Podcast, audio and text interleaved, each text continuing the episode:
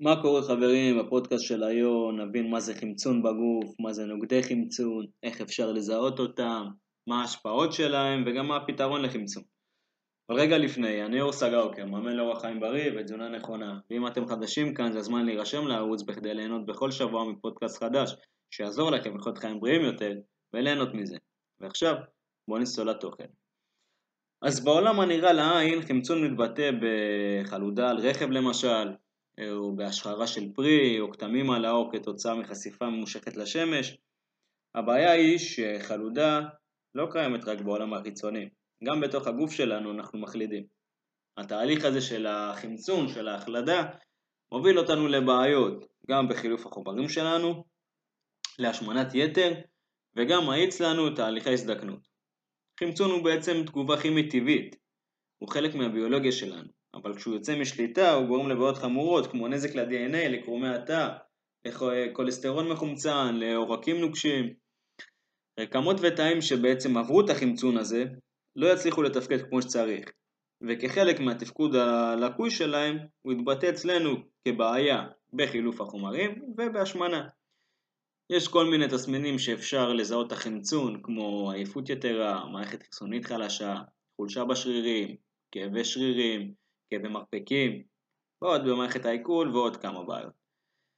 ישנם נוגדי חמצון שהתפקיד שלהם בעצם זה לאזן את כל התהליך החמצוני הזה.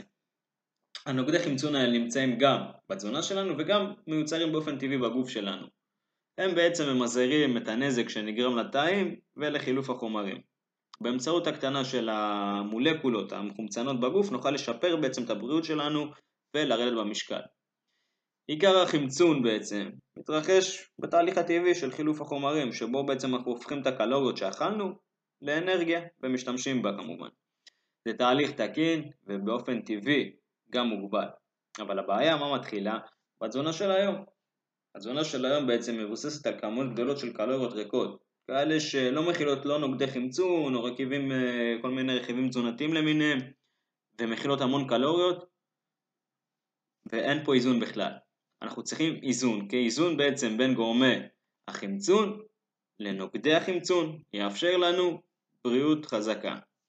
גם יגן עלינו מפני עלייה במשקל, דלקות למיניהם וסוכרת אפילו. גורמי החמצון האלה יוצרים בגוף מין תגובת שרשרת שמובילה להפעלת כל מיני גנים שגורמים לנו גם להשמנה, גם למעט לנו את הקצב של החילוף חומרים בגוף, וכל מיני התפתחויות של מחנות שדיברתי עליהן מקודם. כדי לסלק את אותם גורמים, אנחנו חייבים לעשות שינוי באורח החיים שלנו, וגם בסביבה שלנו. אנחנו צריכים להימנע מאכילת יתר. כי צריכה עודפת של קלוריות יגרמו לנו לעומס חמצוני. אכילת יתר גם תפגע לנו ביכולת של הגוף להתמודד עם כל מיני עודפים של רדיקלים חופשיים, והתוצאה שלהם זה יציאה משליטה ונזק למערכת של החילוף חומרים.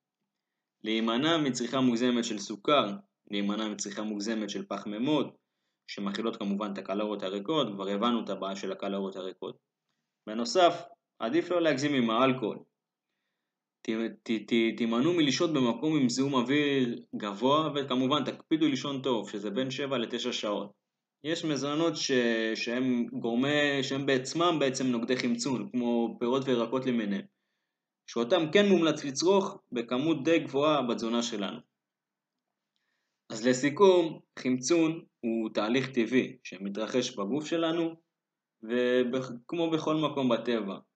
אם הוא יוצא משליטה, הוא יכול לגרום נזק לתאי הגוף, מה שיגרום לנו כמובן לעלייה במשקל ולעוד מחלות שאנחנו לא רוצים אליהן.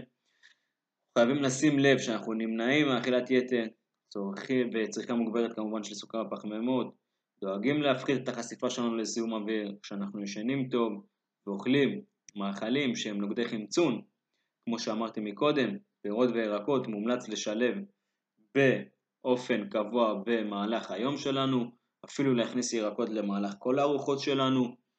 אני מקווה מאוד שהפודקאסט הזה עזר לכם, ואם עדיין לא נרשמתם לערוץ זה הזמן לעשות את זה בכדי ליהנות מפודקאסטים חדשים שיעזרו לכם לחיות חיים בריאים יותר וליהנות מזה. נתראה בפודקאסט הבא.